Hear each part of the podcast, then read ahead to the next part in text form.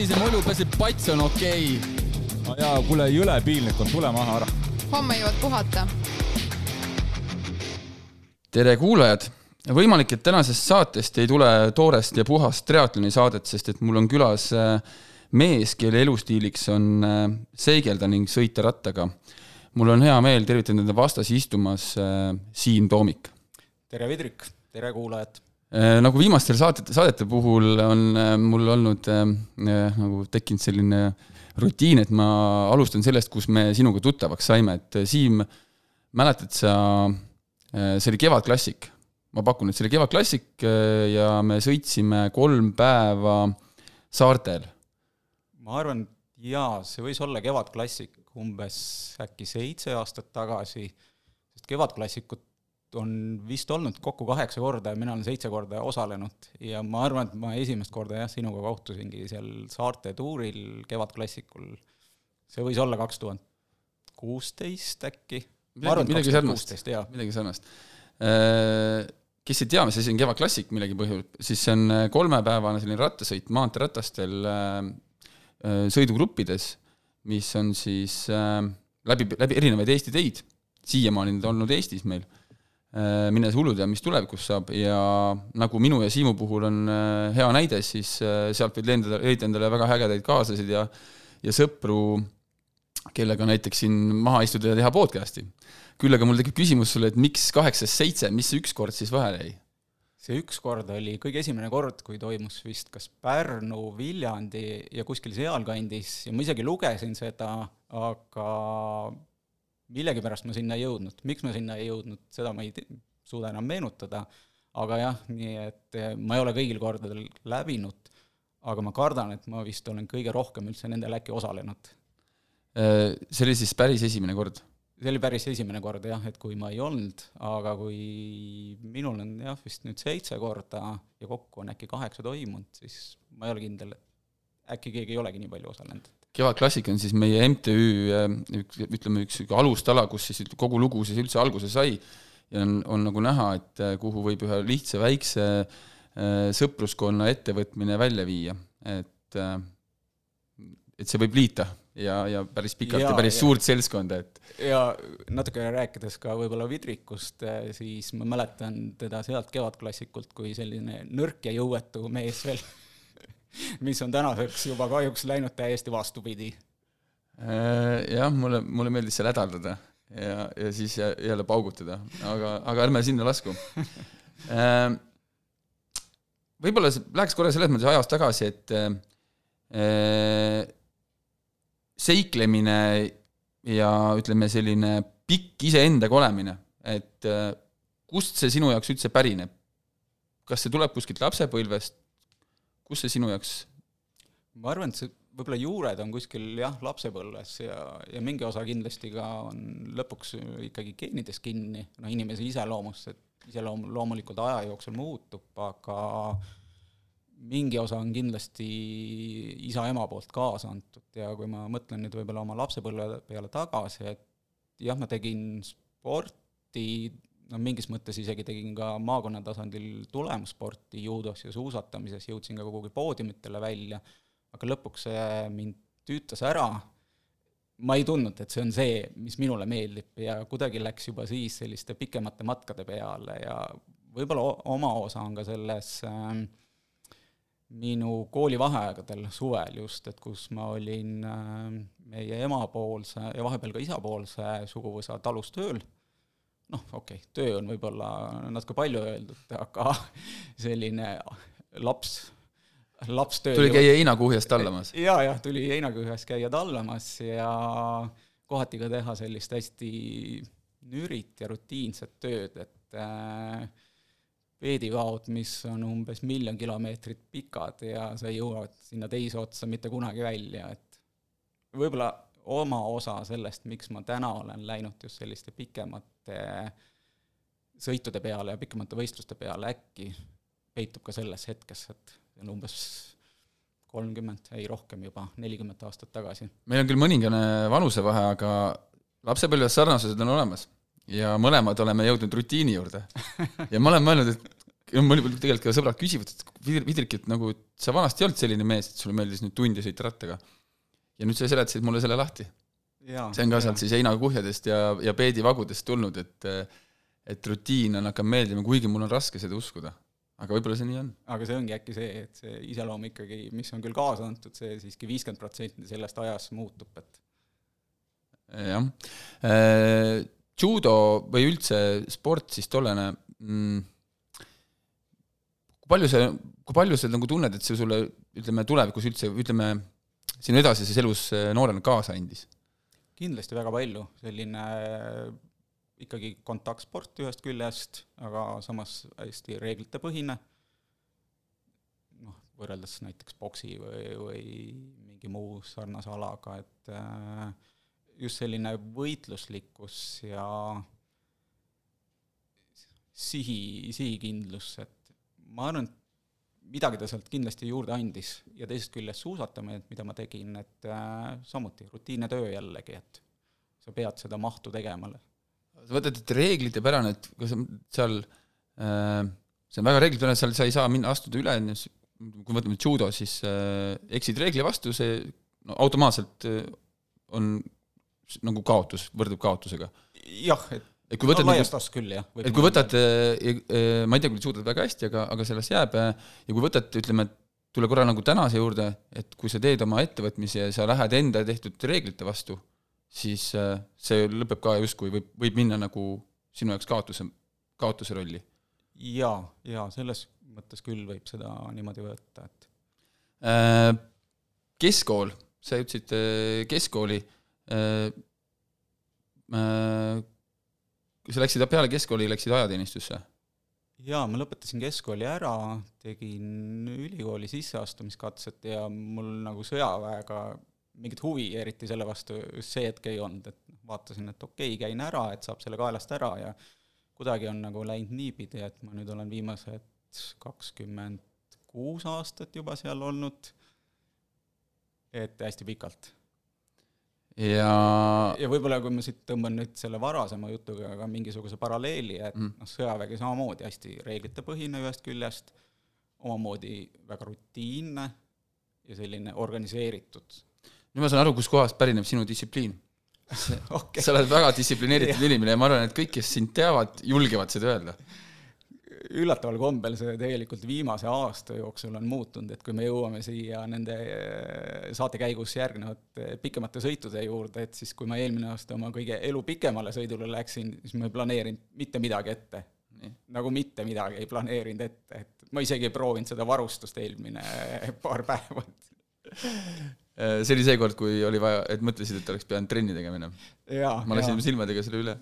ma sain muiata seal Äh, kaitsevägi, äh, see, see, oled üles märkinud selle, et sa tegid, tegelesid vahepeal ekstreemsustega, see on nagu justkui natuke teises ähm, võtmes, kas see võis olla seotud ka ütleme eaga, et et olid seal kolmekümnendates? oli võib-olla selle eaga seotud ja teisest küljest see soov ennast proovile panna, lõpuks ega mis need pikad sõidud siis ka muud on, kui soov mm. ennast proovile panna ja sellist noh, omamoodi valu tunda, et just see mõte, et inimene kõigub ikka igavuse ja valu vahel, et sul on tükk aega nagu igav, igav, igav, selline hästi rutiinne ja sa vajad sellest väljamurdmist, sellist valuhetke, et ja, ja mis need ekstreemsused ka muud on kui selline oma valupiiri tunnetamine või selle ületamine, et noh, kui me räägime siin kas langeväehüpetest või kõrghoonete pealt köiega nägu ees alla jooksmisest mööda maja seina, et just selline eneseületamine, et mida tähendab kõrghoone, kõrghoone katuselt nägu ees alla jooksmine või, või sa oled, seisad kõrghoone serva peal, sul on köis on küljes ja nägu on maa suunas ja sa lased ennast sealt siis seina peale ja jooksed mööda seina alla. noh, köis muidugi julgestab loomulikult seda kõike, et ja sa lähed kuni alla välja? Lähed kuni alla välja, et jah kui see, kui suurt eneseületust see sinu jaoks, ütleme, esimestel kordadel nõudis või, või, või üldse, et kui palju see sin-, et sa selleni jõudsid, palju sa pidid enda jaoks nagu noh, ütleme, enda närvidega tööd tegema?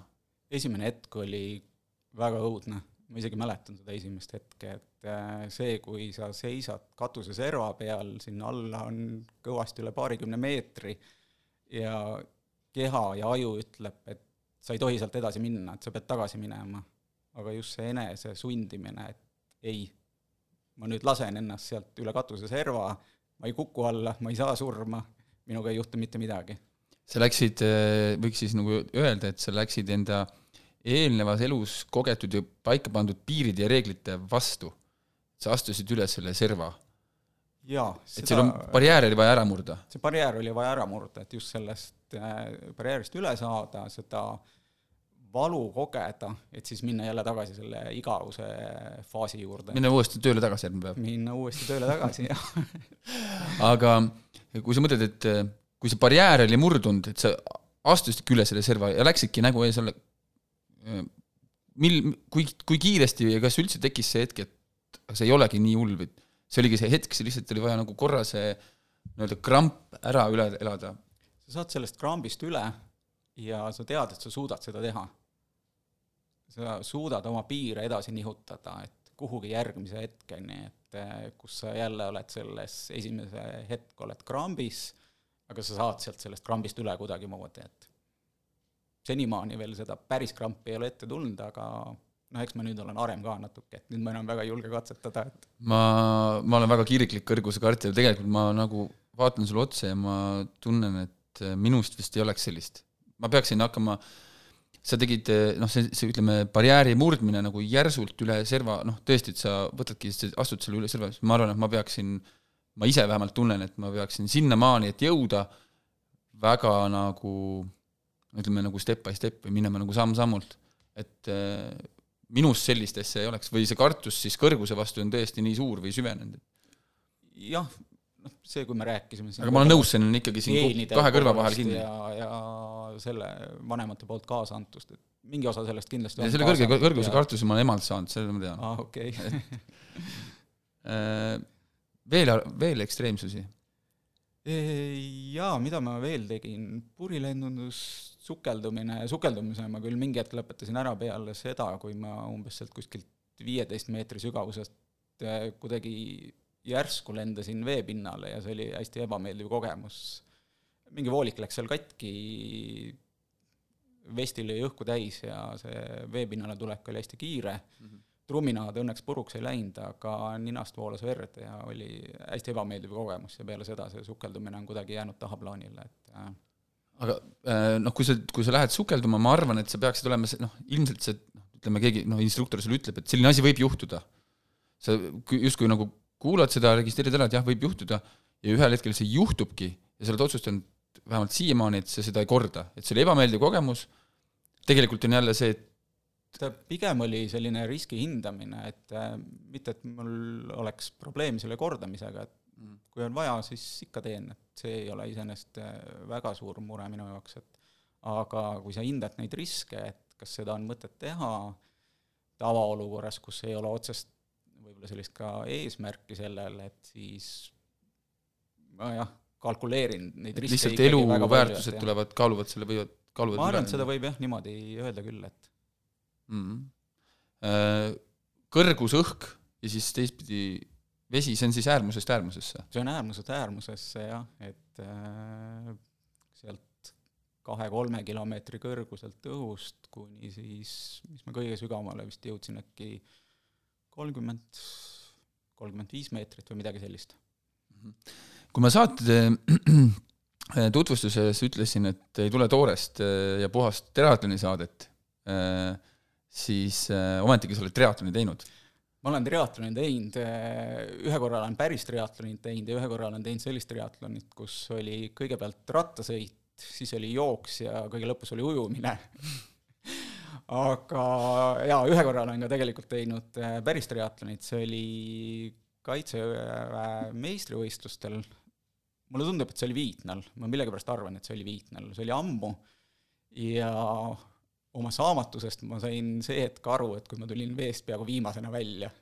Mm., et äh, jah, sellest peale ma olen mõelnud, et äh, võiks ju iseenesest triatlonit teha, aga jällegi, kui ma nüüd hakkan kalkuleerima seda aega, et kui palju läheks oma ujumises viimase koha parandamiseks kuhugi sinna mõistlikusse kohta, et kuhu ma tahaks, et siis ja teisest küljest ma peaksin vähendama siis kas rattaga sõitmist või oma lugemishuvi või mingeid muid huvisid, et siis ma ei ole seda veel tasakaalupunkti leidnud ja, ja selle tõttu on need kaks triatlonit jäänudki senimaani ainsaks kaheks, aga küll ma selle kolmanda ka vast siiski ära teen. kolm ala, kolm, et võiks ikka kolmanda no kolmanda võiks selle täispika ikka ära teha, et äh, meil on varasemalt käinud ka siin saates näiteks Rait Pallo, kes äh, rääkis ekstreemsetest triatlonitest, see on ka vaim, väga palju seotud vaimuga, emotsioonidega, kogemustega, et sa sealt võid saada selliseid äh, elamusi, mis nagu tõesti saadavad sinna kogu elu, kas see võiks olla äkki see kolmas triatlon midagi säärast? Mis muidugi eeldaks ikkagi see, et sa peaksid ikkagi ka ujuma. jaa, siis ma peaksin õppima korralikult ujuma, mitte selline klassikaline Eesti keskmine suplus, et ma mõtlen just, et ütleme, niisugune raske, võib-olla esmapilgul mitte nii kättesaadav. ma mõne sõbra käest olen kuulnud nende kogemusi nende ekstreemtriatlonitel ja just eriti selle ujumise osas, et kus ma peaksin ennast kõige rohkem siis treenima, et eh, need on olnud päris õudsed kogemused. aga noh, jah, nad on muidugi tulnud lõpuni ja ka see, et veetemperatuurid on seal kohati alla kümne kraadi vist isegi, et need tunduvad päris karmid minu jaoks, et ikkagi mingi mugavustsoon võiks säilida elus? mingi mugavustsoon võiks olla, et noh, vesi võiks olla ikkagi nagu selline kakskümmend kuus kraadi. ah see, me, me, me räägime siis juba basseini ujumisest äh, sa tegid oma elus millegipärast pausi liikumisest äh,, äh, no ütleme spordist eelkõige, liikumisest sa küll ütlesid, et sa tegid seal ütleme minimaalselt viiskümmend tundi võib-olla aastas. jaa, et kuna mul millest see oli ajendatud, miks niisugune paus või miks selline asi üldse sisse viskas? jaa, ma kolisin mingi hetk Võrust, kus ma olen sündinud, kasvanud, esimesed kakskümmend kuus või kakskümmend seitse aastat elasingi Võrus ja kolisin mingi hetk Tallinnasse ja siis läks veel halvemini, et kolisin Viimsisse ja seal kuidagi tuli selline mugava elu kombed juurde ja kui me siin enne saadet põgusalt arutasime ka, et ja ma rääkisin ühest oma sellisest läbielamisest, et kus pood oli minu majast saja viiekümne meetri kaugusel ja ma vahepeal sõitsin sinna autoga, siis see oli see hetk, kui ma sain aru, et see paus, mida ma spordiga tegin neli-viis aastat, et see on läinud liiga kaugele, et ma olen kaldunud kohutavasse äärmusse, kus ma nagu ilmselgelt ei taha olla, et mõeldes just nagu pikemalt ette sinna sellesse hetke, kui ma olen võib-olla seitsekümmend, kaheksakümmend, äkki ka veab kuhugi sinna kaugemale välja, ja ma olen nii nõrk, et ma ei suuda ise mitte midagi teha just oma eelnevate valikute tõttu elus, et kus see tervislik või liikuv eluviis on viinud mind selleni, et ma enam ei suuda mingeid asju teha. Äh, ma, ma sattusin äh, just kas eile või täna äh, lugema ühte artiklit, kus oligi välja toodud inimese lihaskond ja, ja just seda nagu elukümnendite juures, et kolmekümnesed, neljakümnesed, viiekümnesed kuni siis ütleme, päris eakani välja, on ju, ja mismoodi on võimalik seda enda elu ähm, ütleme, elu elades oma elustiililt kas muuta või, või hoida ennast nagu noh, nii-öelda siis pehmelt öeldes toonuses. et äh, mulle meeldib ka öelda muidugi see, et kunagi ei ole hilja, aga tegelikult on mõistlik seda teha jätkusuutlikult, järjepidevalt. Äh, jaa, sest mingi hetk ikkagi on hilja, lõpuks on küsimus ju elukvaliteedis, et äh, jaa, loomulikult võib alati teisele korrusele ka minna liftiga, aga need valikud on sinu jaoks alati piiratumad, et kui sa oledki oma tervislike või varasemate valikute tõttu elus sunnitud alati valima lifti või alati valima auto ja sa ei saa valida seda, et sa lähed teisele korrusele, suudad jala endiselt minna või autoga sõita. või suudad saja viiekümne meetri kaugusele minna poodi ka jala, et siis äh, mulle tundub see elu palju kehvem ja see on selline nukram ja loomulikult inimesed harjuvad ja sa lõpuks leiad alati põhjenduse, et miks see ongi väga mõistlik, aga ma tahaksin elada teistsugust elu. Ja see oligi see pöördepunkt, et kui see nelja-viieaastane selline paus, et kus ma tegin nagu väga vähe ja olin selline pigem kaldusin sinna juba vaikselt ülekaaluliste poole, et äh, siis, siis ma tegin selge muutuse, muutsin elukohta, vähendasin autoga sõitmist, hakkasin rohkem tunde kulutama aastas tervislike liikumisviiside peale. Ja, ja see periood õnneks ei olnud jah, väga pikk, neli-viis aastat, et jah, selle, see nagu ei ole selline periood, mis sind nagu laastab, pluss on siis veel ka muidugi mm, iga, et see, see oli ikkagi no pigem noorem, noorem sees. noh, see oli hetk, kui ma olin seal kuskil kolmkümmend, midagi sinnakanti umbes, et no siis ongi, elu ongi võib-olla. jah, et see hetk keha annab veel andeks, et võib-olla elu ongi siis natuke teistmoodi kolmekümneselt. jaa, eks seal olid muud asjad ka, et aga kui sa poest suutsid nüüd kaugemale minna autoga vähem sõita, millal sa ütleme, ostsid sellise jalgratta, millega sa tõesti nagu siis äh, enda igapäevaseid toimetusi hakkasid ajama, et läksid hommikul rattaga tööle, pärast võib-olla läksid koju rattaga, noh, ilmselt läksidki rattaga koju, aga mitte otse, vaid läksid, tegid väikse ringi. see oli kaks tuhat üheksa või isegi kaks tuhat kaheksa, kuskil sealkandis see umbes oli, et äh, siis tuli esimene, esimene selline korralikum ratas, maastikuratas, ja nüüd on see kuidagi jõudnud nii kaugele, et mul kodus on vist viis, jah, viis ratast ja endiselt tunnen, et neid on natuke liiga vähe, et mõned võiks veel olla, et ma olen nõus, et rattaid ei olegi kunagi liiga rattad ei palju. ole kunagi liiga palju, et jah, aga äh, mis hetkest muutus sinu jaoks selline noh, ütleme, et ma ütlen, kui minna jätkuvalt edasi, et noh, süües kasvabki isu, ma saan, mina saan sellest kõigest aru, et noh, sa näedki endas nagu arengut, võib-olla sa oled, oledki suutnud selle nagu elustiili muudatuse nagu endale ellu viia. kuidas see jõudis, no kuidas see jõudis sinnamaale, et sa avastad, et see on asi, milles sa ei suudagi üldse me noh, päevaski mitte elada, et ma, et ma, et ma ärkan hommikul ja ma täna ei sõida rattaga, kuigi mul see võimalus on olemas.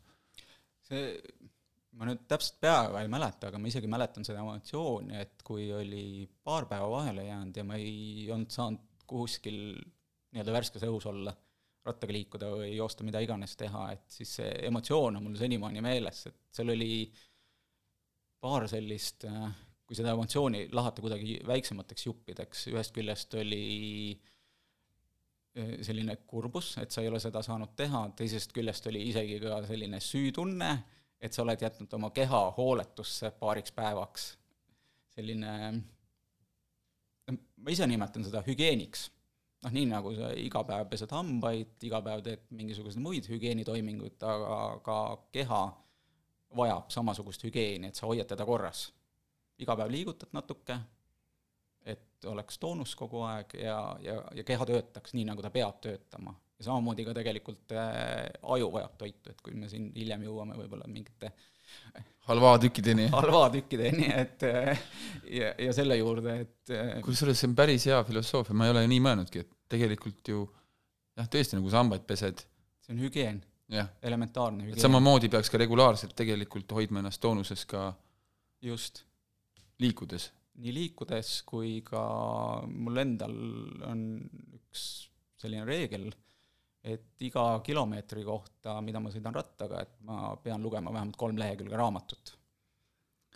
Ähm, ja see on samuti hügieeni küsimus, vaimse hügieeni küsimus, et noh, okei okay,, võib ka teatris käia, mingit muud kultuurset poolt teha, et äh, avardab silmaringi ja just seesama hügieeni küsimus. enese korras hoidmine ma jäin, laskusin praegu mõttesse. et see on, see on päris sügav. Jaa. kohe tekib küsimus, kui mitu kilomeetrit sa aastas sõidad ja siis me lööks selle kolmega? keskmine on tulnud siin viimaste aastate, ütleme viis-kuus aastat nüüd tagasi võttes, varasemast mul väga palju mälestusi ei ole, et kuna Strat ma hakkasin alles kaks tuhat kuusteist kasutama ja kõik on kuhugi kadunud, varasemad asjad, aga jah, kümme tuhat aastas keskmiselt ja tõsi, eelmine aasta läks käest ära ja tuli seitseteist tuhat kilomeetrit, et äh, ja eelmine aasta ma seda oma lugemise eesmärki ei suutnud selle tõttu saavutada, et palju, palju lehekülgi tuli? Äh, keskmiselt mul tuleb lehekülge aastas umbes kolmkümmend tuhat, et see on selline sadakond raamatut aastas, et äh, noh, ma olen ka kiire lugeja, et lugemise mõttes ma olen kiirem kui jalgrattaga sõitmise mõttes. ma mõtlen nagu, et sada raamatut aastas. Väga lihtne arvutus, ma mõtlen, kas sa loed siis nagu, on nüüd kaks varianti, kas sa loed neid äh, Miki Hiiresi või siis sa lased, vaatad ainult pilte. või on reaalselt võimalik nii kiiresti üks no, ütleme mõistliku selline kuuskümmend lehekülge tunnis.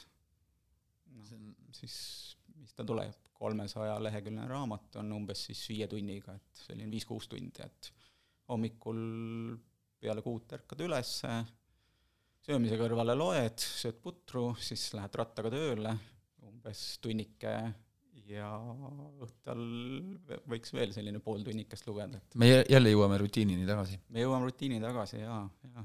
ja meil tegelikult, meid igapäevast, igapäevaseid toiminguid tehes tegelikult igal pool saadab rutiin. jaa, võib-olla veel üks mõte, et miks tegelikult rutiin on hea, on see, et rutiin välistab tarbetud mõtted sinu jaoks. seesama, et mida täna teha, et mis järjekorras asju teha või ka võistlusel, mis järjekorras asju teha, et kui nüüd äh, tulla korraks hüpata triatloni juurde, et vahetusalasse, et mis järjekorras asju teha, et kui see rutiin on sisse harjutatud, siis sa enam ei mõtle selle peale. ja no sama ka on muude asjade puhul elus, et kui rutiin on sees, siis need otsused saab enese jaoks välistada, et noh, mõtlemine iseenesest on kohutavalt äh, ressurssi raiskav tegevus väga, väga mm palju ressurssi läheb selle mõtlemise peale ja see ongi raske tegevus. Ja kui sealt on võimalik välistada tegevused, et mida sa lihtsalt iga päev kordad ja mis ei ole sinu jaoks ka rutiini mõttes niivõrd olulised, et sinna peaks eraldi aega kulutama, et siis sealt on võimalik seda energiat leida hoopis muude tegevuste jaoks, et hoopis muude mõtete jaoks ja panustada sinna, et kus sa tegelikult, kus silm lööb särama, et noh, pudru söömise juures silm ei pea tingimata särama, et kuigi see on hommiku juures ikkagi üks parimaid asju.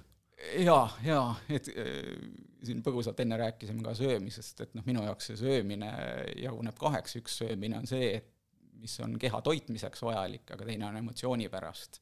ja spordi tegemise juures samamoodi, et lõpuks me teeme neid asju kõiki emotsiooni pärast no,. emotsioon on see, mis jääb meelde tekivad mälestused ja lõpuks inimene ongi ainult tema enda mälestused, et võta mälestused ära ja sind, sinu enda mõttes ei ole olemas enam, et jah.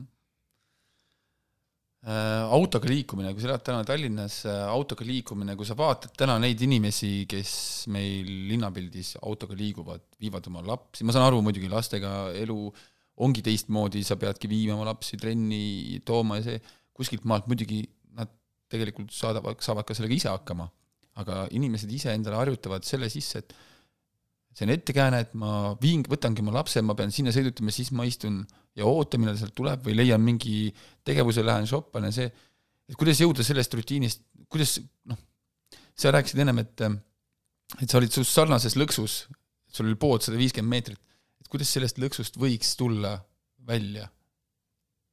seda on muidugi lihtsam öelda, kui seda teha, et valem on väga lihtne, sa pead tegema ainult esimese sammu. esimese sammu jala ja mitte autoukse suunas, vaid kuhugi siis teise suunas, et äh, kui sul lapsel on tõukeratas ja ta tahab tõukerattaga kooli minna, sa tahad oma last ilmtingimata saata, võta tõukeratas ja mine temaga koos? mine koos. isiklik eeskuju, ühest küljest on loomulik ka see linnaplaneerimine, mulle tegelikult kohutavalt meeldib see teema, üks osa on sellest ka linnaplaneerimise küsimus, et kuidas see linn on üldse korraldatud ja kas see infrastruktuur, mis linnas on, kas see soodustab või ei soodusta, et mäletan siin talvist aega, et äh, lapsega ta ületasime Liivalaia tänavat, see, mis on Swedbanki ees, see oli talvine aeg, kuskil seal detsember äkki, me seisime seal Liivalaia tee keskel lapsega kahekesi, ühelt poolt sõitsid autod mööda viiskümmend kilomeetrit, noh, tegelikult vist isegi kuuskümmend kilomeetrit tunnis, nii nagu linnas ikka, et ja teiselt poolt kuuskümmend kilomeetrit. ja kui sa seisad seal keskel, mul oli väga hirmus, mul oli palju hirmsam kui mis muus olukorras sellises äh, võib-olla rattaga sõites. ja see linn ei soodusta seda. see on see linnaruumi planeerimise küsimus, et ta soodustaks inimestel, suunaks ei pea tingimata keelama ega käskima, aga just suunaks ühte või teise suunda, et äh, sul oleks võimalik diivani pealt üles tõusta, teha see esimene samm, see oleks see samm peab olema ka meeldiv. see samm peab olema meeldiv. see ei saa olla sinu jaoks nagu kohutav, just nagu seesama, mis sa kirjeldasid. et tegelikult neid samu situatsioone on linnapildis sadu tuhandeid päevas, kus inimene tunneb, et mul ei ole siin hea olla, ma, ma pean, mul on lihtsam olla seal autos, kus mul on tõesti turvalisem või, või, või noh, mitte võt-, et täpselt seesama, et, et, et et saada nüüd ütleme ennast siis nagu enda nagu välja kujunenud noh, võib-olla natuke kaootilisest rutiinist välja, siis, siis peab olema ka soodumus, et just see linna, linna, linnapildi siis planeerimine. just, et kuidas sul on asjad korraldatud, et linnas, kas sul noh, lõpuks me kõik ikkagi hindame mingil tasandil riske ja vaatame, et kas äh, mul on mõistlikum talvel libeda päevaga või libeda teega minna jala või minna autoga ja kui see tee on tõesti libe, siis võib-olla ongi mõistlik auto. siis sa lähed autoga. Ja see talv ma olin sunnitud kümme korda valima auto, et see oligi oli väga libe, libe.. noh, ma lõpuks ka hindan ju riske, et kas ma kukun ja siis ei saa kümme nädal aega, kaks nädalat, mis iganes aeg teha midagi muud, või ma valin auto selleks hetkeks, et kui nii hakkad mõtlema, siis äh, võtame praegu Tallinna linna, tegelikult juba Tartu, veidi ka Pärnu, et miks linna piirid lähevad aina laiemaks kuidas inimesed otsustavad, et me ei taha elada siin võib-olla südalinnas siin nagu tõesti selles nagu nii-öelda rägastikus, vaid eelistatakse minna sinna, kus on tingimused paremad, ütleme elu, elu, ütleme siis ütleme elurutiini või elu, ütleme, tavaelu rutiine nagu parem, parem nagu ütleme elada või, või, või nagu ellu viia, on ju.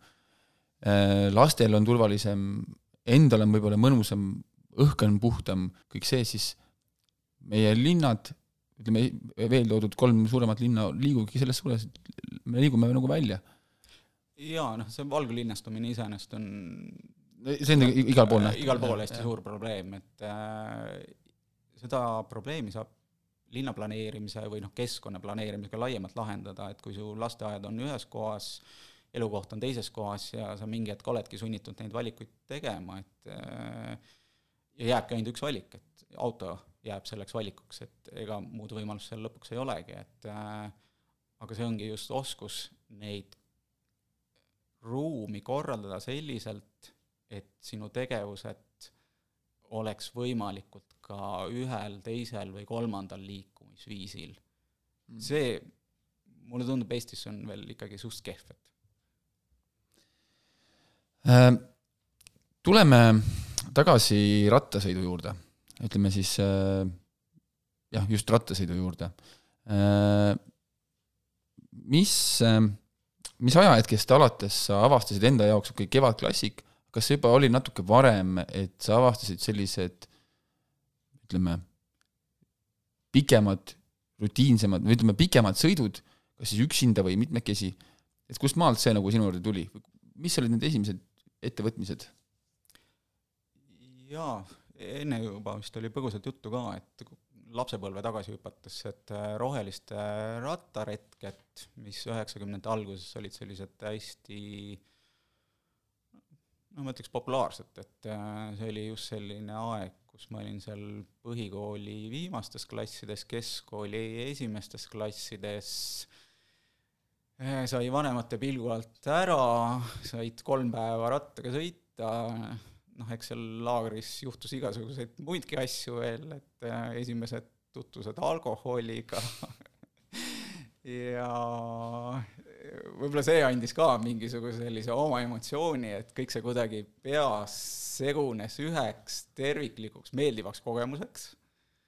et selline vabadus, ratas, lõbus elu, äk-, äkki seal on mingi selline juur, et sellel miks ma nüüd olen ka endiselt nende pikkade sõitu juurde jäänud ja tagasi jõudnud, et mm.. ma mõtlen just, et ma mõtlen, kui sa ütlesid nagu vabadus, me oleme mõlemad maalt pärit või maapiirkonnast pärit, siis samamoodi, kui sa sõitsid rattaga kuhugi, kõigil olid rattad, seal ei olnud küsimust, et kellelgi ei ole ratast, näiteks minul vähemalt ja, jaa, ei, oli... kõigil ikka olid, et kellel lähme kuhugi, lähme ujuma. Ratastega ja alati oli lõbus. alati oli lõbus, jah ja,.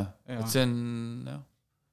äkki sealt on ka mingi seos tekkinud, et lõbus elu ja kuidagi oli seal ratas kõrval ja need on kuidagi peas siis segunenud üheks asjaks kokku, et jah äh,.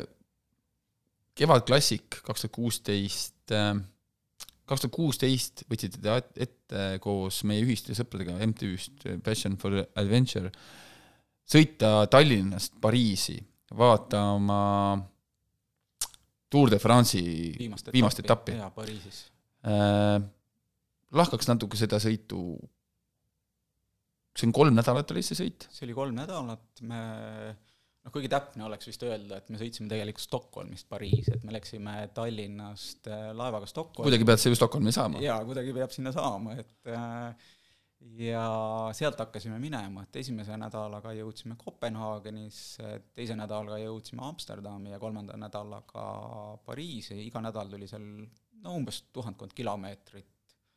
Ja mis võib-olla selliste pikkade sõitude juures on huvitav moment, on see, et sa kulged läbi erinevate riikide, läbi erinevate kultuuride, sa näed, sa koged, noh, jala võib ka minna, aga jala jõuab liiga aeglaselt edasi, et äh, autoga on hoopis teistmoodi, sa ei taju seda õhku, sa ei taju seda neid lõhnasid, neid lõhnaseid, helisid, heliseid, see tunnetus on hoopis teistsugune, noh, lennukist rääkimata, rääkimata, et seal sa lihtsalt lii-, oled ühes kohas, siis järgmine hetk oled teises kohas, et see pole päris see, et aga ratas ongi minu arvates selline parim võimalik viis tajumiseks, kuidas loodus, kultuurid, inimesed, keskkonnad, arhitektuur, kõik vaheldub, et sa näed vaheldub, seda nad segunevad. Nad segunevad, sa näed seda üleminekut, et äh, hästi põnev väga,. väga-väga põnev. ma nagu julgen kõigile seda soovitada, et just see teeloleku tunne, et äh, sa elad selles hetkes sees, vaatad vaikset ümbrust, pea on sageli mõtetest täiesti tühi ja sa kulged läbi selle maastiku, et läbi selle keskkonna jah, tegelikult seal on ka noh, kõikide selliste sõitude puhul on väga palju ka juhuslikku. jaa, jaa. väga sa... palju juhuslikku, mitte midagi, sa jõuad oma järgmisesse sihtkohta, kohta või teel sinna järgmisesse sihtkonda siis tegelikult sa ei tea, mis sind ees ootab. jaa, ega paari tunni kaugusele sealt edasi enam üldse ei ole sellistel sõitudel inimesed, kellega sa planeerida ja ka midagi, noh, võib-olla selline laiem, suurem plaan on paigas, aga see, mis juhtub, see kõik on täiesti juhuslik, et äh, kui me jõuame siin ühe järgmise pikema sõiduni, mille juurde me ilmselt varsti jõuame, et -hmm. siis sealt mõned sellised kogemused me ilmselt räägiks, et äh, mis, mis juhtub ja, ja miks seal just selliste pikkade sõitude essents tuleb nagu esile, et mida see annab ja miks seda maksaks teha. meie meie triatloniklubi juht Priit Alt äh, ütles ka, et see, see oli tema jaoks, kaks tuhat kuusteist oli tema jaoks nagu iseenda justkui otsingu aasta. ta tegi, ütleme, sellise spordis pausi, ta sõitiski enda sõpradega kaks tuhat kuusteist siit äh, Tallinnast kolm nädalat Pariisi ja ta, ma, ma, ta küll, ta, ta tahtis tegelikult täna siin saates osaleda, aga ta on öelnud ka, et noh, et see, see oli nagu see koht, kus ta otsis iseennast ja ilmselt ka leidis jaa, just see, no sul on nii palju aega seal, ega rattasadulus, ega muude tegevustega ei ole võimalik väga tegeleda. ja olgem ausad, kõik ei ole ka meeldiv. noh, kõik ei ole ka meeldiv, jaa ja kuigi selle sõidu juures vist oli, kõik oligi isegi väga meeldiv, et üks hetk oli, et kui kõik ajaks nagu jubedat närvi, et Andres Samkaga koos sõites, et äh, aga see oli nagu täpselt see ainult üks hetk kogu selle kolme nädala jooksul, et äh, kõik oli täiesti vastumeelne, et aga ainult üks hetk kolmest nädalast. see juhtub? see juhtub, et kas sa oled ähm, mm, ka var-, hilisemalt, ütleme, ütleme, kui oledki teel nädal ja enam, sa tunned, et niisugune, niisugune kas tekib niisugune päev või mingi, mingi ütleme, väike lühike periood sisse, kus sa tõesti tunned, et kõik ongi nii vastik ja võib-olla nagu meel-, mitte meeldiv, et noh, et sa ei taha siin olla. Neid hetki tuleb kindlasti. kuigi see on su enda valik olnud. jaa, jaa, lõpuks on see loomulikult su enda valik, neid hetki tuleb, aga kuidagi saad sellest üle, et noh, ega see hetk keegi teine ei saanudki aru, et mul on kohutavalt ajab kõik närvi, et pärast rääkisime ja siis õhtul, kui oli kõik juba väga hästi ja kõik oli super ja parim hotell kogu reisi jooksul, valged linad, spa, ideaalne õhtusöök ja, ja siis tagantjärgi rääkisime sellest, et vastikust hetkest, et kui, kui sellel teemal tuli niisugune muljete vahetamine, kas äh, oli ka neid, kes ütlesid, et jah, näed, mul oli eile või, või, või, või siin kaks päeva tagasi täpselt seesama asi jaa, sest kõigil on lõpuks, noh, kolm nädalat on hästi selline pikk aeg, et sa elad seal koos väikses kogukonnas, iga päev oled, noh, inimesed teile kõik meeldivad ja kogu see situatsioon on hästi meeldiv, aga neid hetki ikka tuleb, et teine võib-olla oli seal, et sa oled kolm nädalat iga päev kellegagi koos elanud ja selle kolme nädala jooksul saad, kuidagi satub nii, et sa ühe õhtu saad olla omaette toas. no see on ka selline hästi hetkeks mingisugune mm. teistmoodi vabanemise tunne, et oma tuba, oma luba, et teed, mis tahad. keerad ukse lukku ja keerad ukse lukku käid palja tagummikuga ringi ja äh, kaks tuhat seitseteist, ehk see aasta hiljem äh, sa sõitsid, äh, tegelikult sinu jaoks oli see seis natuke katkendlikuks. sõideti Tallinnast Helsingisse. Jaa, me läbi Venemaa. sõitsime jah, Tallinnast Helsingisse. räägi, räägi näiteks läbi, kes, mina näiteks tean, kuidas see, miks sa, miks sinul see poolikuks jäi, räägi äkki oma sõnaga.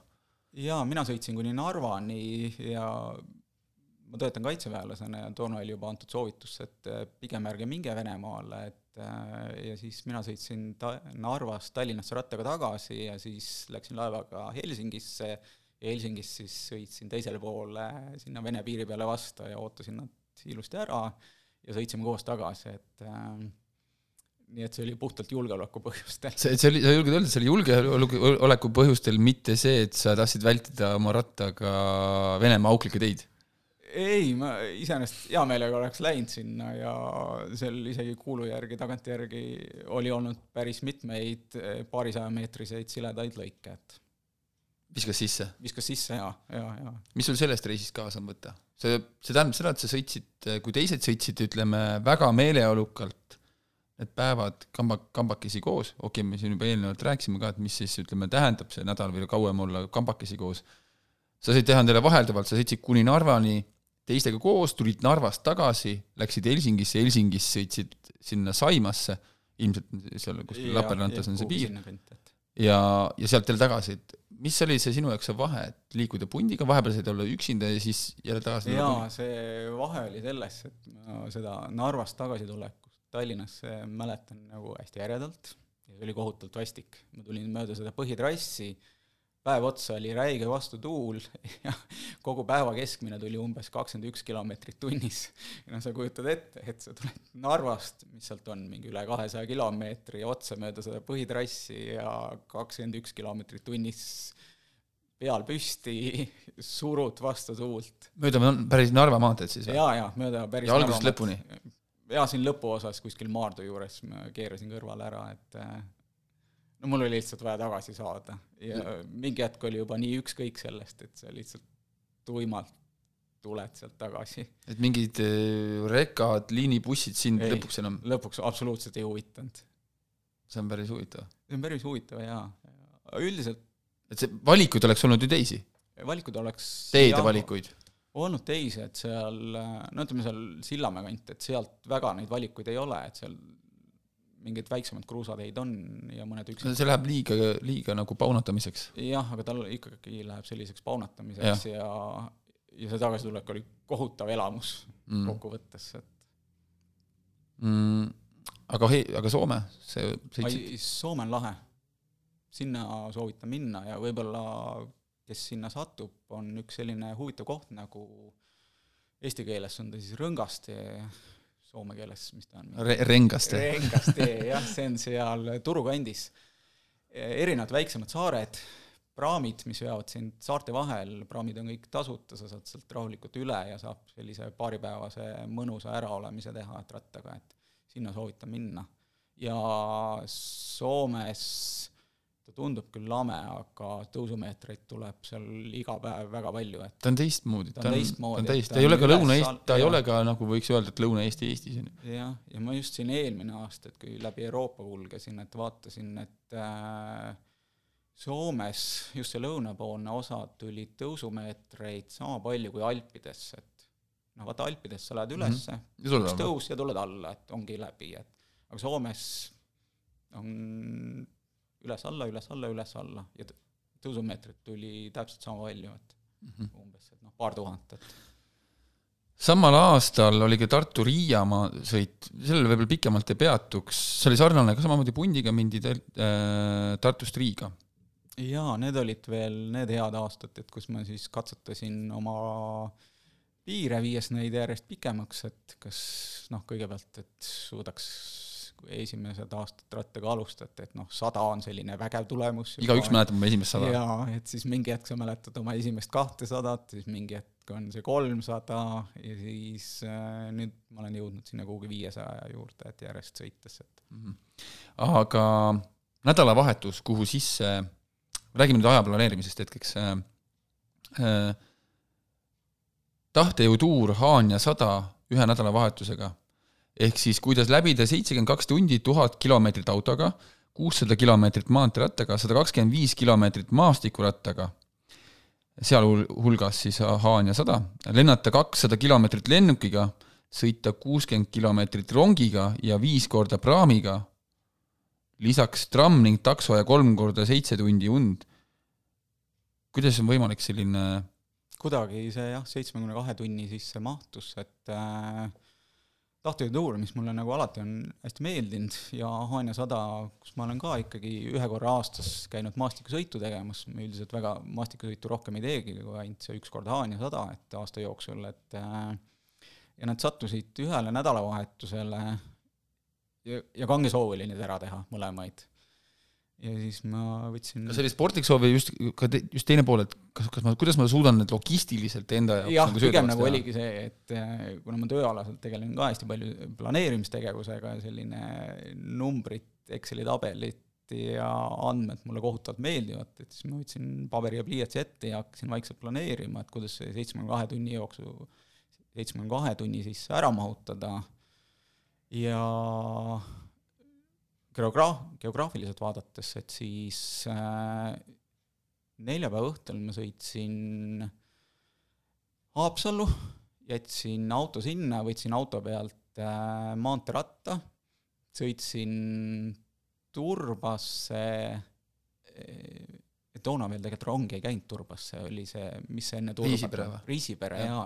sõitsin Riisipere rattaga, sealt läksin rongi peale, hommikul sõitsin äh, tahtejõutuuriga Hiiumaale, Hiiumaalt sõitsin tagasi Haapsallu, võtsin auto, sõitsin autoga Võrru, võtsin laupäeva hommikul auto pealt juba varem valmis pandud maastikuratta, sõitsin Haanja saja, panin maastikuratta tagasi auto peale autoga Kuressaare lennujaama, jätsin auto sinna, võtsin maanteeratta järgmine päev sõitsime maanteerattaga tagasi Tallinnasse koos tahtejõutuuriga ja kuna me jõudsime nii vara, et siis ma jõudsin ilusti ka veel lennuki peale minna, lennukiga tagasi Kuressaarde lennata, sealt võtta auto, natuke jäi praamini aega, sai veel auto peal oleva maanteerattaga Kuressaares piduliku tiiru teha, minna praami peale ja tulla Tallinnasse tagasi.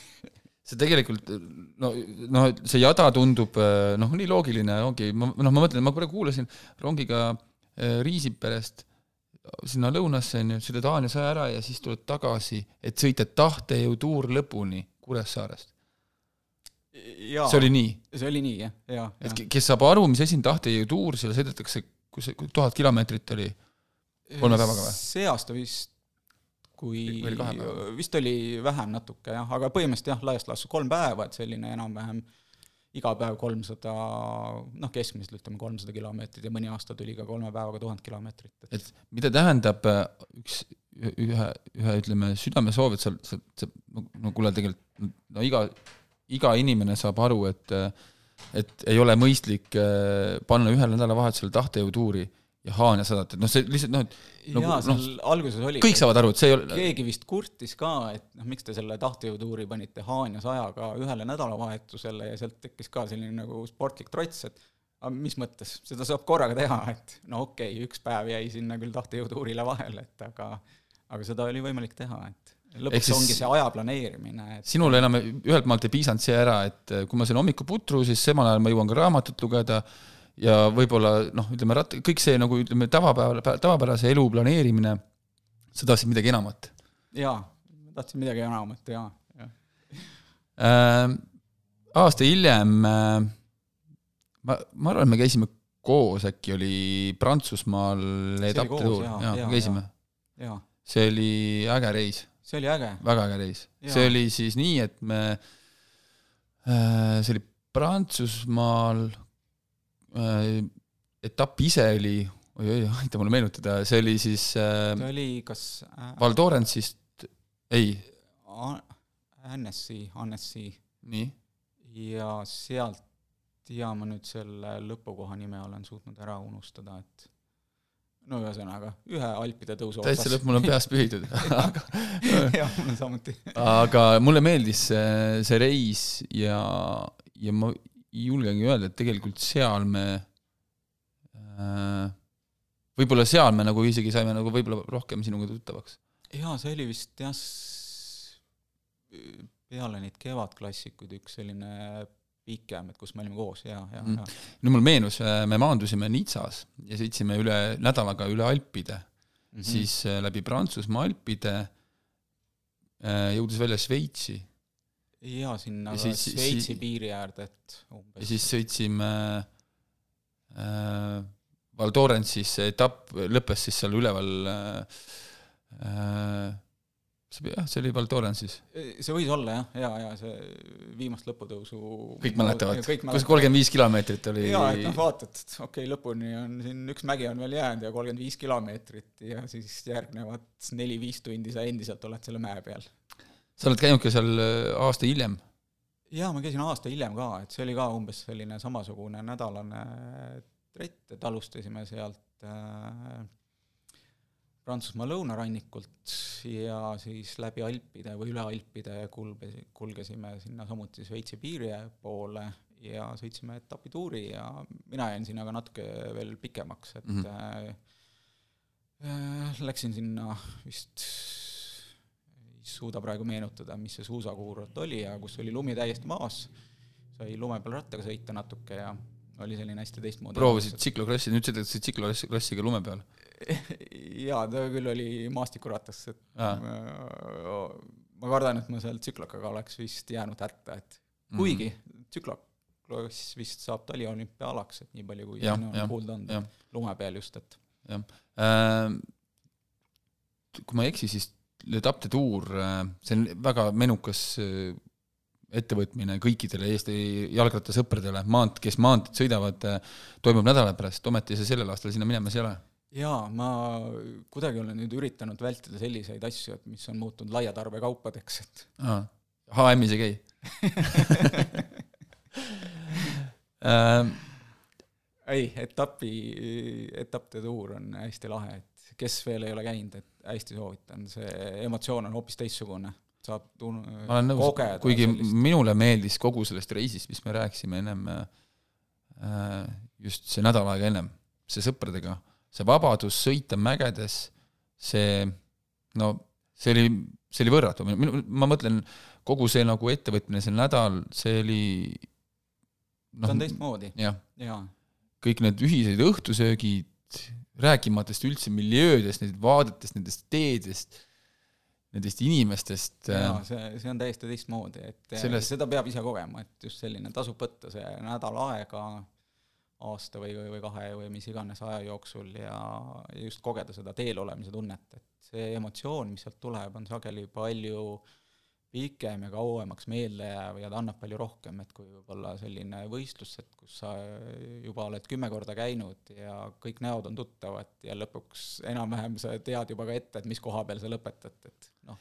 diplomit sa tead, Siim, et kui sa nüüd lähed, on ju, siis äh, oma järgmisele ettevõtmisele, on ju, siis sa sealt võib-olla ei pruugigi diplomit saada, aga see ei olegi see, millele sa lähed. jaa, aga lõpuks sa ei lähegi ju nende diplomite ja asjade pärast, et äh, sa ikkagi lähed ju mälestuste pärast, et no see ongi sinu diplom?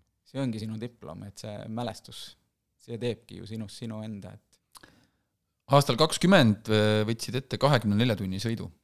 jaa, see oli esimest räägi korda, sellest, räägi, räägi sellest trassist ja proovisin kahekümne nelja tunni sõitu, et järjest sõita, et see on selline üritus, mis nüüd paar viimast aastat on toimunud Pöörirando nime all, kakskümmend neli tundi, erinevad kontrollpunktid, võimalus valida endale sobiv rada, kui tahad, võid sõita kümme kilomeetrit, kui tahad, võid sõita kakskümmend neli tundi järjest.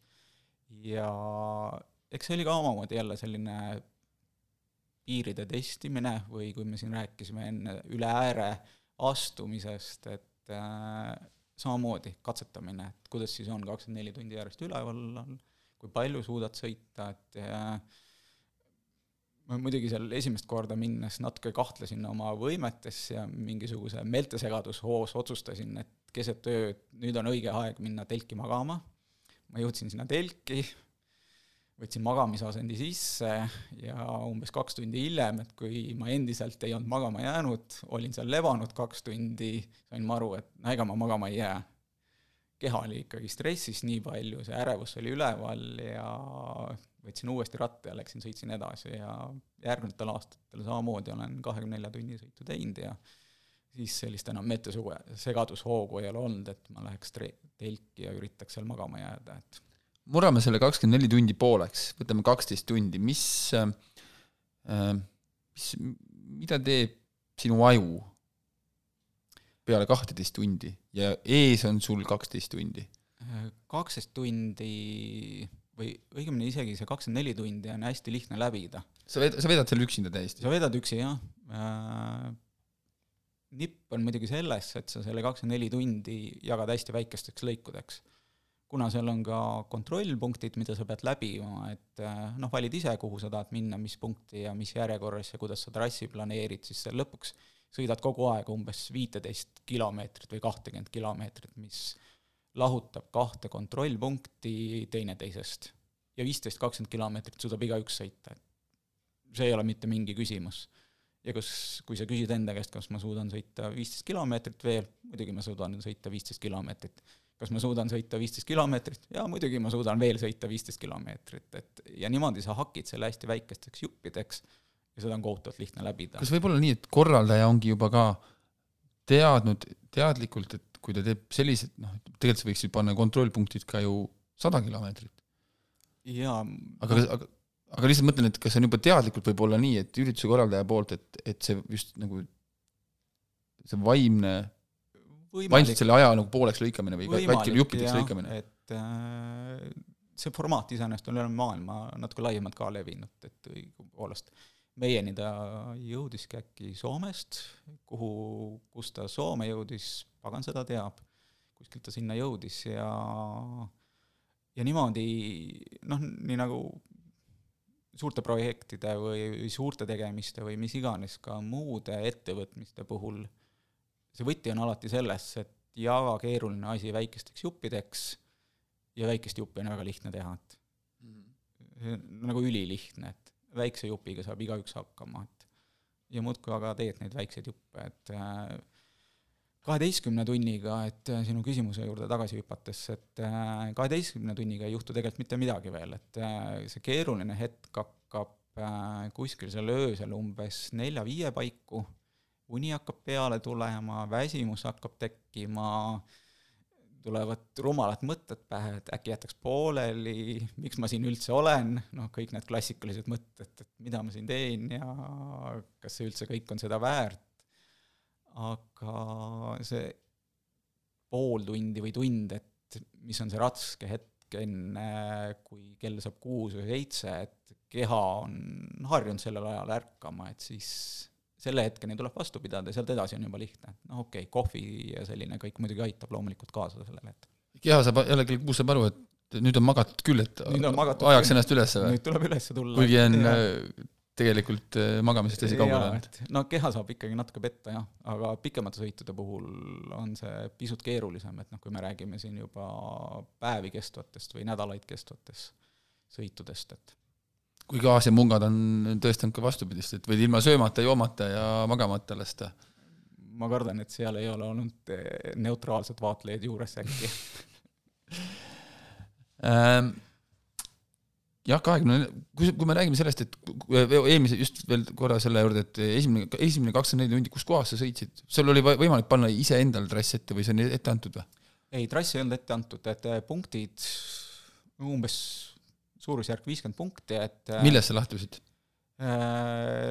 lähtud äh, päris mitmest asjast, noh üks on äh, noh, seal on punktiarvestus, aga selles ma hetkel ei lasku, et kuidas võimalikult maksimaalselt palju punkte koguda, et see pole hetkel oluline, et äh, aga see, mida sa vaatad, on äh, mis tüüpi tee on, kas asfalttee, kruusatee, metsatee, täiesti mudaauk, et seal arvestad seda koefitsienti juurde, et kruusatee on asfaltteest kehvema veerevusega, metsatee veel kehvema veerusega, veerevusega, et seal sa kaotad mingisuguse aja, kui sa valid kehvema tee, aga võib-olla jõuad kiiremini kohale, et tuulesuund, mida sa kindlasti mm. pead arvestama, see, kuidas on võimalik siis kas mingisuguseid äh, toiduvaruseid täiendada, kui sa just kõike ei taha enesega kaasa vedada, et noh, kas mingid tanklad, poed, äh, veevõtukohad, sellised hästi väiksed nipid ja teine, mida ma nende pikkade sõitude puhul, kahekümne nelja tunni puhul ja tegelikult ka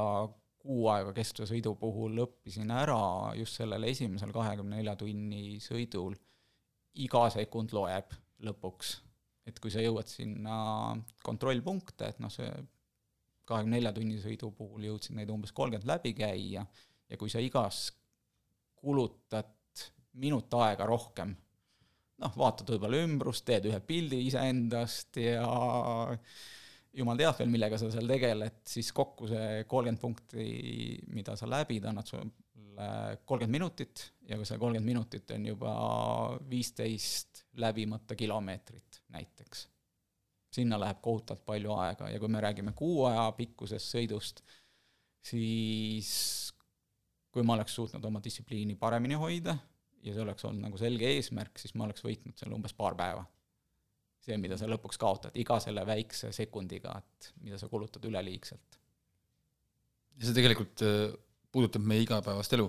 absoluutselt. see ongi suurelt. jälle see aja planeerimine, et me ei hakkaks üldse laskuma sinna telefonis istumisesse, istumisse äh,, autorooli või, või üleüldse enda aja planeerimisse, et kõik, mida sa päevas nagu läbi käid, läbi töötad, on ju, siis palju seal tegelikult on nii-öelda raisatud aega, mida sa võiksid tegelikult jaa, et äh, enne, kui rääkisime sellest, et kui ma veel Viimsis elasin ja sealt autoga linna tööle sõitsin, no sealt läks keskmiselt, no ütleme pool tundi, õhtul ka pool tundi tagasi, et iga päev tund aega raisatud aega. Ja mingi hetk ma tegin oma aja auditi panin kuu aja jooksul minutilise, enam-vähem minutilise täpsusega kirja, et kuhu mu aeg siis tegelikult kulub ja palju sellest on see legendaarne sõna kvaliteetaeg, et äh, rämpsaega oli kohutavalt palju, et ja siis sai tehtud mõned muudatused, et mis olid need peamised muudatused? Äh, peamised muudatused? peamised muudatused oli, kui on võimalik rämpsaega vähendada, siis vaheta see kvaliteet aja vastu, et seesama, et autoga sõitmise, ma vahetasin rattaga sõitmise vastu, hommikul lähed rattaga tööle, lähen senimaani tööle, et hommikul on mul nüüd kakskümmend kaheksa kilomeetrit, kuidagi lähen millegipärast alati väikse ringiga, et otse oleks küll neli kilomeetrit nüüd tänasel päeval Kalamajast sinna südalinna ja sa lähed tööle hommikul, okei okay,, jah, tund aega kulub rattasõidu peale, autoga saaks võib-olla kahekümne minutiga, õhtul samamoodi, aga nüüd paneme selle päeva konteksti, et äh, sa sõidad hommikul autoga tööle, sõidad õhtul autoga tagasi, siis kohmitsed kodus, siis lähed trenni ja jõuad võib-olla trennist tagasi kaheksa-üheksa paiku. selleks hetkeks olen mina suutnud juba mõned kümnet või sajat leheküljet läbi lugeda, et tänu sellele, et ma olen selle trenni suutnud juba varem ära teha, et jah, aga tegelikult seal ongi see, et ka, et mis on, kellegi jaoks on see kvaliteetaeg. see on sinu jaoks kvaliteet, aga ja. see tuleks igalühel tegelikult iseenda jaoks välja mõtestada. see tuleb välja mõelda jaa, et äh, mitte, et kellelegi ma tahaksin oma valikut peale suruda, et ja. ei, seda mitte, et äh, aga ajaauditit tasub teha küll aeg-ajalt, et iga sellise mingi perioodi tagant, et vaadata, et kuhu see aeg kaob mm.. kuhu kaovad kõik need aastad? jah, nagu maratonoorid ütlevad, kuhu kadusid kõik need tunnid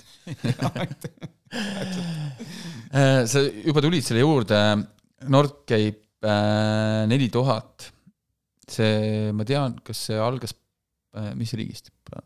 See algas Itaaliast. Itaaliast ja, ja lõppes siis äh, ja Norras. Norras, seal üleval Nordkapis, et seal täitsa põhjas. ja kui võiks nüüd mõelda, et äh, inimesed lähevad, hakkavad siis Itaaliast sõitma Norra poole, Norra sinna üles, nüüd minnakse siis lennukiga enda stardipaika, siis sina läksid sinna ka rattaga? kuidagi jah, sattus niimoodi. et sa sõitsid et, äh, Tallinnast Itaaliasse või? Tegelikult ma sõitsin Tallinnast bussiga Varssavisse Varssavis bussi pealt võtsin oma ratta. lihtsalt optimeerisid siis? jaa, et noh, mul päris nii palju aega ka ei olnud, et lõpuks see kõik pidi kuue aja sisse ära mahtuma, et äh, sõitsin bussiga Varssavisse ja Varssavist siis hakkasin Itaalia suunas minema, et äh, nädalaga jõudsin sinna kohale, et esimese nädalaga vist tuli jah, tuhat nelisada või tuhat viissada kilomeetrit Poola, Tšehhi, Saksamaa, Austria ja Itaalia. Siis Itaalias tegin kaks päeva seal kohapeal, tiirutasin natuke ringi, vaatasin kohalikke vaatamisväärsusi, pisut ka puhkasin ja siis hakkas Nordcap neli tuhat peale, mis on siis läbib Itaaliat, Sloveeniat, äh, Ungarit, Slovakkiat, Poola, Leedu, Läti, Eesti, Soome oma täies pikkuses ja pagan, Soome on pikk. see kestab peaaegu nädal aega ja lõpeb siis Norras. Ja kui ma olin Norrasse nüüd tagasi, Norrasse sinna kohale jõudnud, siis aega oli veel endiselt natuke üle ja mingil ajendil ma otsustasin veel ka poolde Soome tagasi vändata, et mis see ajaliselt, mis see ajalist ressurssi nõudis? selle peale kulus kokku koos eh, esimese päeva minekuga see bussisõit, et oli kolmkümmend kolm päeva, täissõidupäev oli kolmkümmend ja selle kolmekümne päevaga siis tuli seitse tuhat kakssada kilomeetrit. kas võib olla nii, et sa panid kogu oma puh-, aasta puhkuse huugama sinna?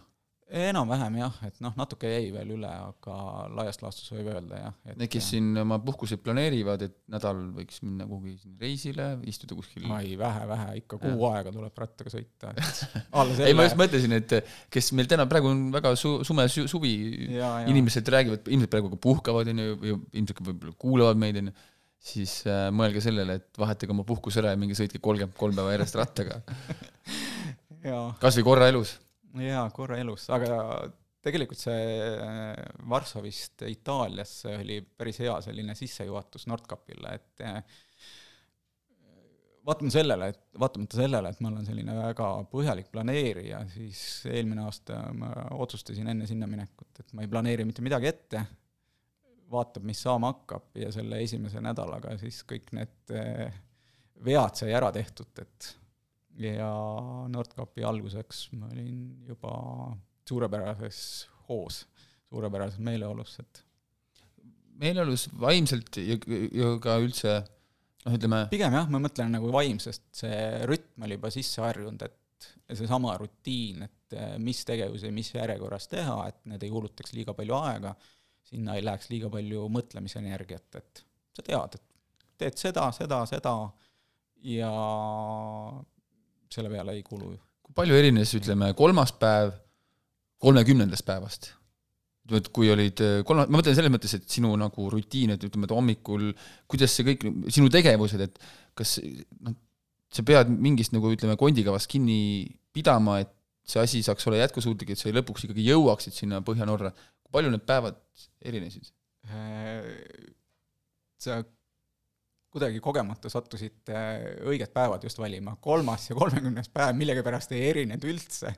mõlemal päeval juhtus see, et äh, kolmekümnendal päeva hommikul ma peldiku põrandal värisesin kohutavast külmast ja kolmandal päeval sattus ka, et õhtul oli vihm. ma olin seal kuskil mägedes, peatumiskohani oli veel pikalt minna ja ma olin ka üpris läbi külmunud selles vaates emotsiooni mõttes nad olid hästi sarnased, aga kui vaadata nagu võib-olla natuke teisest aspektist, et siis nad olid ka mingis mõttes täiesti erinevad, et äh, selleks kolmekümnendaks päevaks ma olin, see elurütm oli juba nii sisse harjunud, et äh, ma tundsin hoopis kuidagi teistmoodi ennast juba, et et see kas, kolmas kas päev võivad... oligi see nagu see minu jaoks äh, see võtmehetk, et kui oli kohutavalt vastik õhtul, ebameeldiv, tagumikku hõõrus ära selle vihmaga ja järgnevad päevad tuli sõita ühe kannika peal kuidagi sadulasse, et äh, terve päev otsa, et äh, ja see andis sellise omamoodi kogemuse, et ülejäänud kogu see vahepealne sõit läks hästi, hästi kergelt. et justkui selle kahtekümmet seitset päeva nagu vahepeal ei mäleta, no igast päevast on hästi palju emotsioone ja hästi mm. palju hetke ja selliseid lahedaid kohtumisi ja, ja seal sattus nii mõnegi toreda inimesega kokku. ja, aga nad läksid kergelt, jaa. Äh, see sõit tegelikult kulgeb ju nii, et sina, sinu ratas, sinu pagas äh, ja näeme Norras. jaa. see, mida, kuidas sa seda nagu ütleme, nii noh, muidugi rattaga, aga aga kõik see, mis sinna vahele jääb, see on, ongi täpselt nii, et jaa, et äh, välistasu äh, abi keegi arvab, et sa nüüd ütleme, et kuskil hotellis äh, ja, linnade vahel ei, kui sa tahad, sa võid iga päev hotelli minna, et mm. selles mõttes piirangut ei ole, et tingimus on see, et kõrvalist abi kellegi saatja näol ei tohi kasutada, kõik see, mis on avalikult kättesaadav kõigile võistlejatele, seda tohib kasutada, et noh, poed või hotellid ja noh, mingi aja tagant sa ikkagi pead minema kuhugi kas oma telefoni laadima või GPS-i laadima, et rattatulesid laadima, toiduvarusid täiendama, et äh, no selge see, et kõiki neid tunde järjest sa ju, sa pead sadulast maha astuma. jaa, jaa, jaa, et äh, ööbimiskohtade valik oli, et äh, ühe öö magasin kuskil restorani diivani peal, see oli selline hästi kummaline kogemus, Suvalkis Poolas. ma olen isegi käinud seal Suvalki, see on oh,, kas see ei ole mitte Vars-? ta on seal Leedu-Poola piiril. jah, ja Varssavi küllaltki, jah, jah, jah, jah, et äh, oli mingi restoran, hotellirestoran tegelikult, läksin sinna sisse, küsisin, kas ma tohin siin diivani peal magada e,. omanik või see, kes seal parajasti restoranis oli, et lubaski, et kuidagi jõudsime kokkuleppele, et jah, ma tohin siin magada paar tundi, et ühe korra magasin Lätis kuskil saunapingi peal sellest sa oled mulle rääkinud ka vist, võib-olla? võimalik jah, täitsa võimalik. kas see oli see, kus asustus lähedal? jaa, see oli ka see, et kus tegelikult söömisega kõik läks valesti, et ma olin planeerinud, et ma jõuan Lätis seal kuskil hõredamas kohas mingisse linna, kus on pood veel lahti, aga see pood oli juba kinni pandud, ma enam õhtut süüa ei saanud, siis paar tundi väntasin nälginuna seal, jõudsin kuhugi sinna saunapingi peale jäin magama selle mõttega, et mitte magada, aga pigem selle mõttega, et mitte mõelda nälja peale. ja siis hommikul tuli veel umbes vist kolm või neli tundi vändata, kuni sa jõudsid esimese poeni, et sa mäletad, mis sa sealt poest lõpuks kätte said? ma ostsin ära kõik, mis seal poes oli peaaegu. sinna võib-olla mittesöödavad asjad jäid aga ütleme, et, et mis asi oli esimene asi, mis sa sealt siis võtsid ja panid suhu?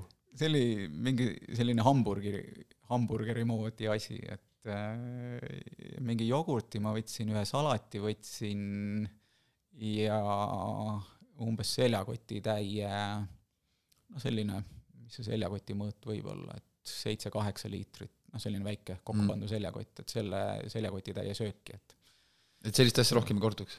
jaa, et sellist asja sa, said nii teha, et seda ei kordunudki või? Ühe korra tegelikult veel midagi sarnast kordus, et see oli siis, kui see kott tühjaks sai või?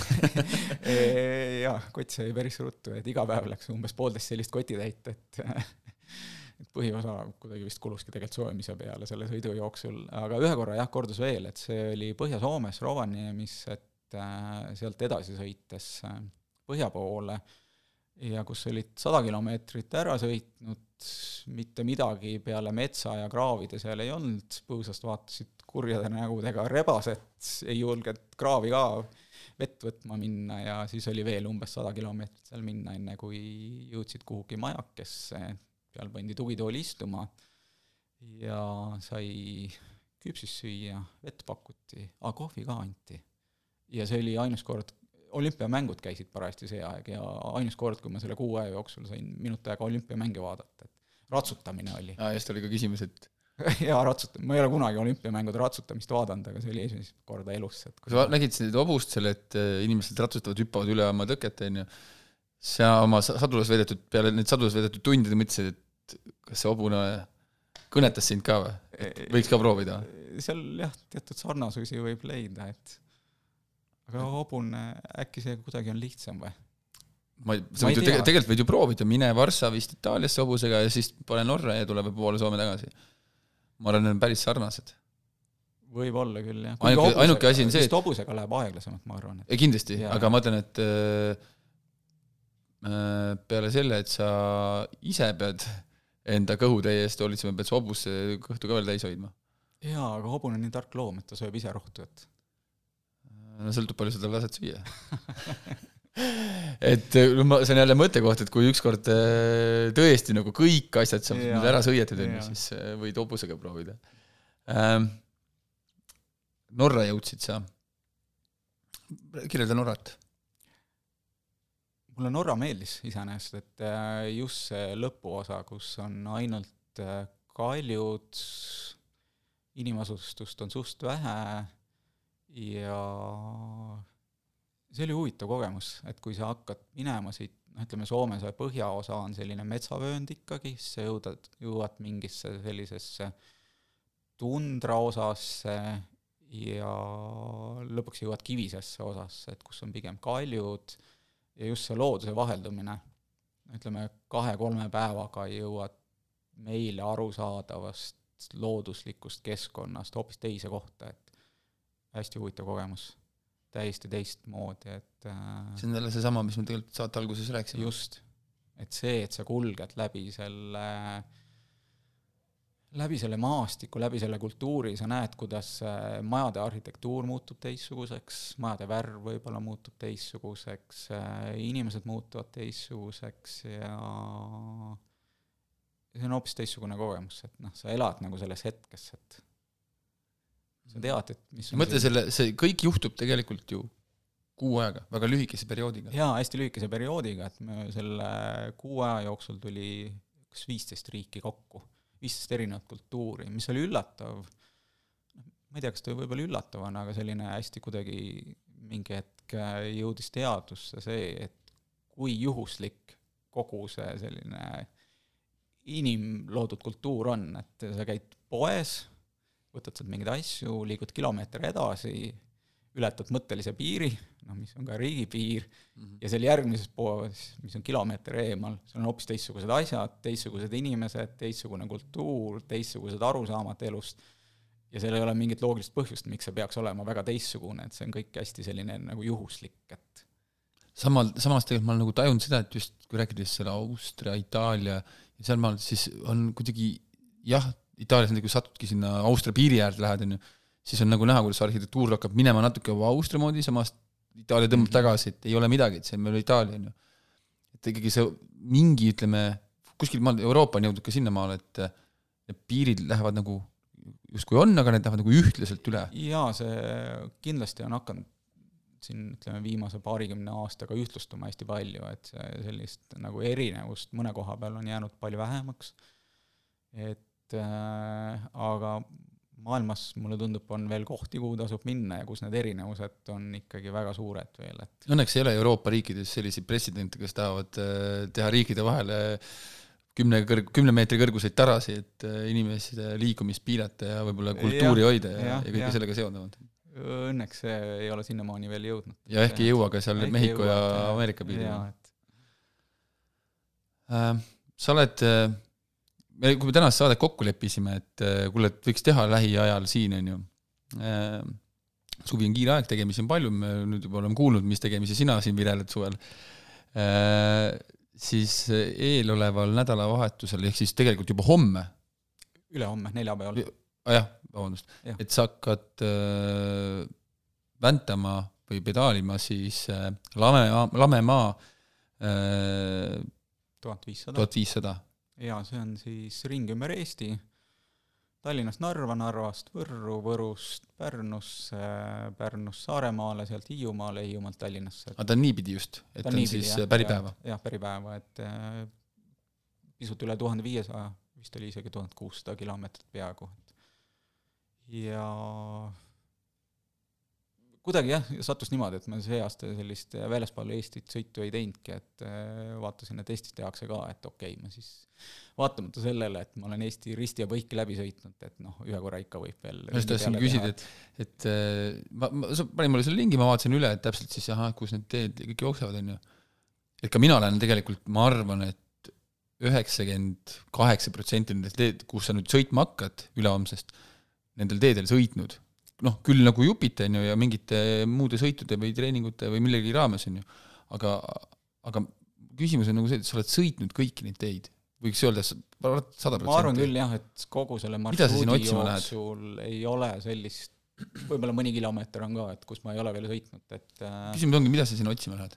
aga mida ma sinna otsima lähen, on äh, ühest küljest jällegi selline soov ennast proovile panna mul mingisugune väike selline plaan on tehtud, kuidas ma seda sõitu plaanin läbida, mis sellest plaanist täpselt välja tuleb, raske öelda, aga üritan selle võimalikult ruttu läbi sõita, et kui eelmine aasta ma seda oma Nordkapi tegin, et seal oli mul kaks hästi vastandlikku emotsiooni.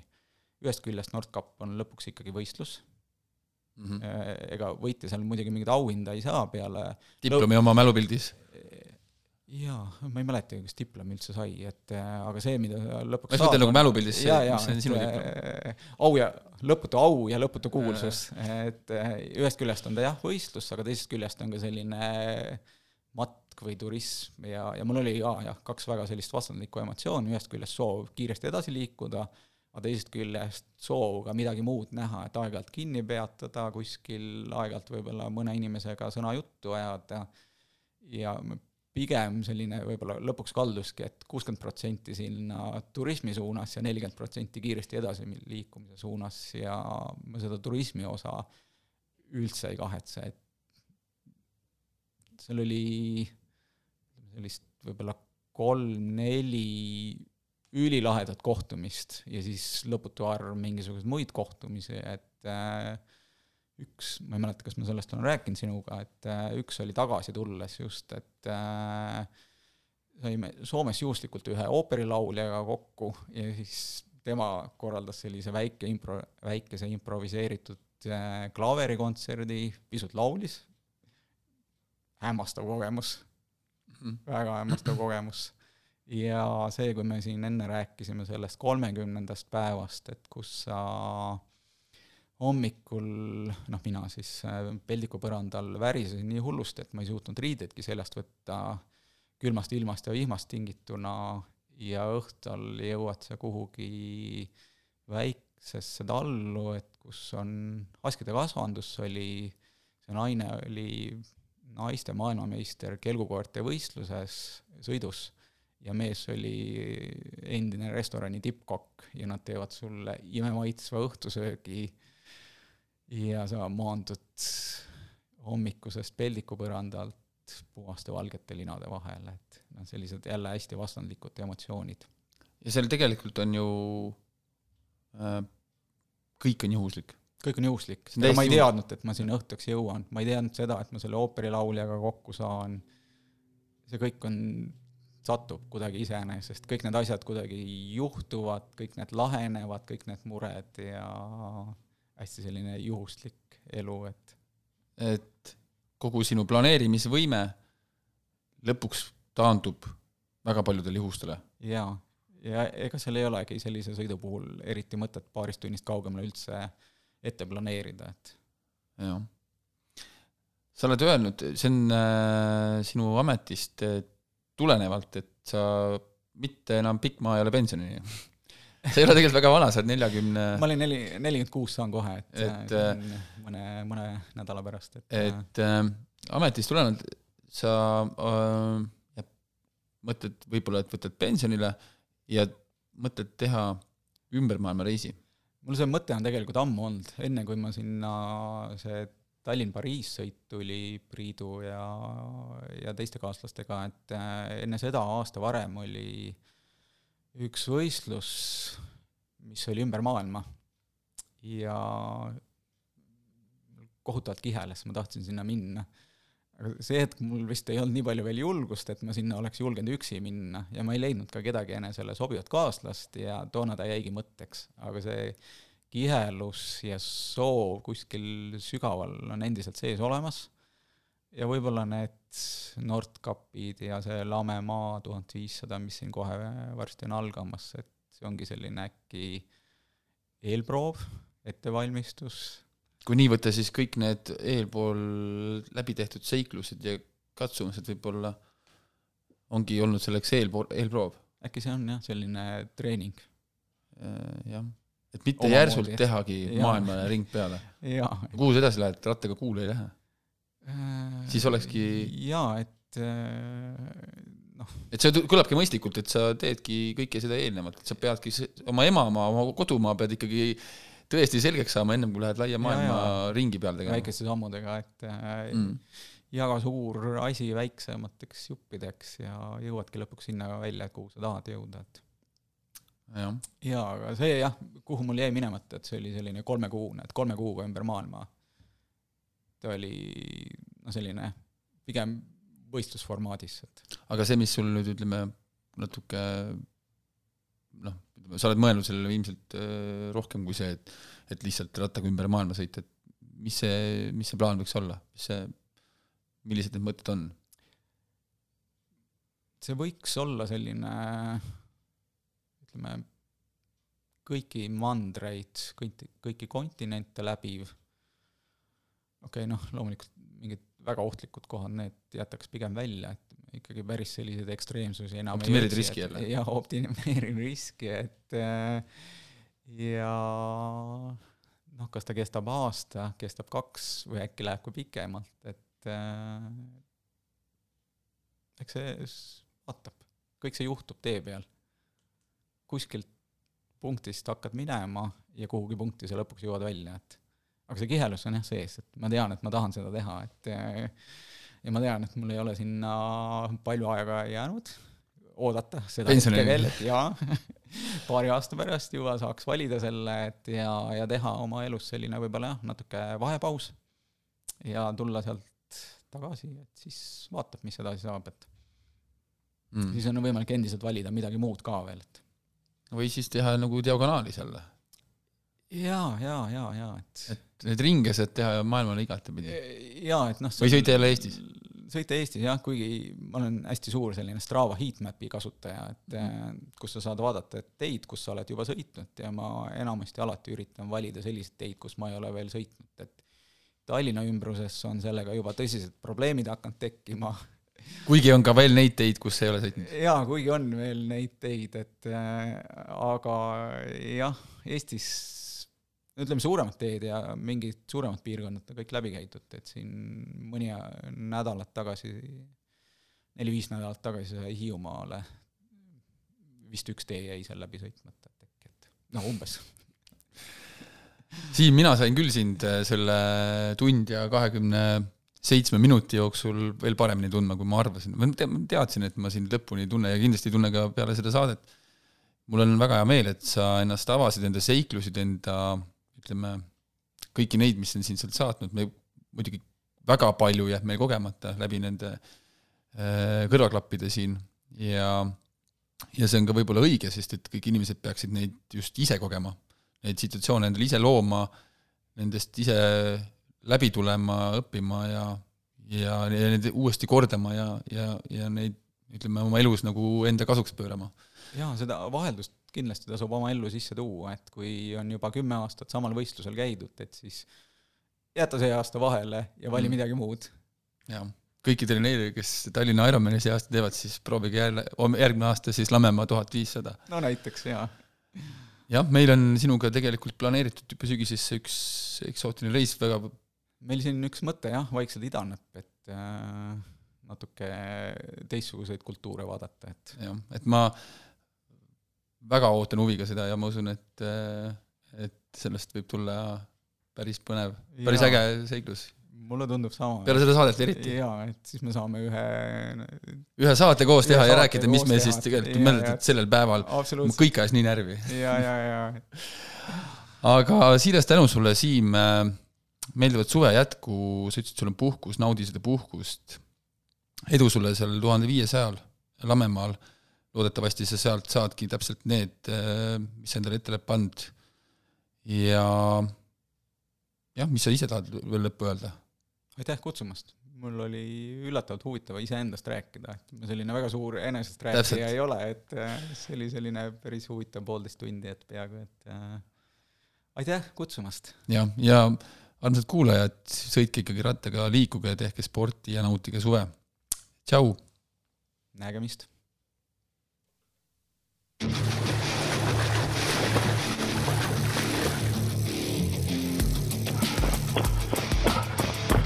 mulju pääseb pats on okei okay.. no jaa, kuule, jõle piinlik on, tule maha ära. homme jõuad puhata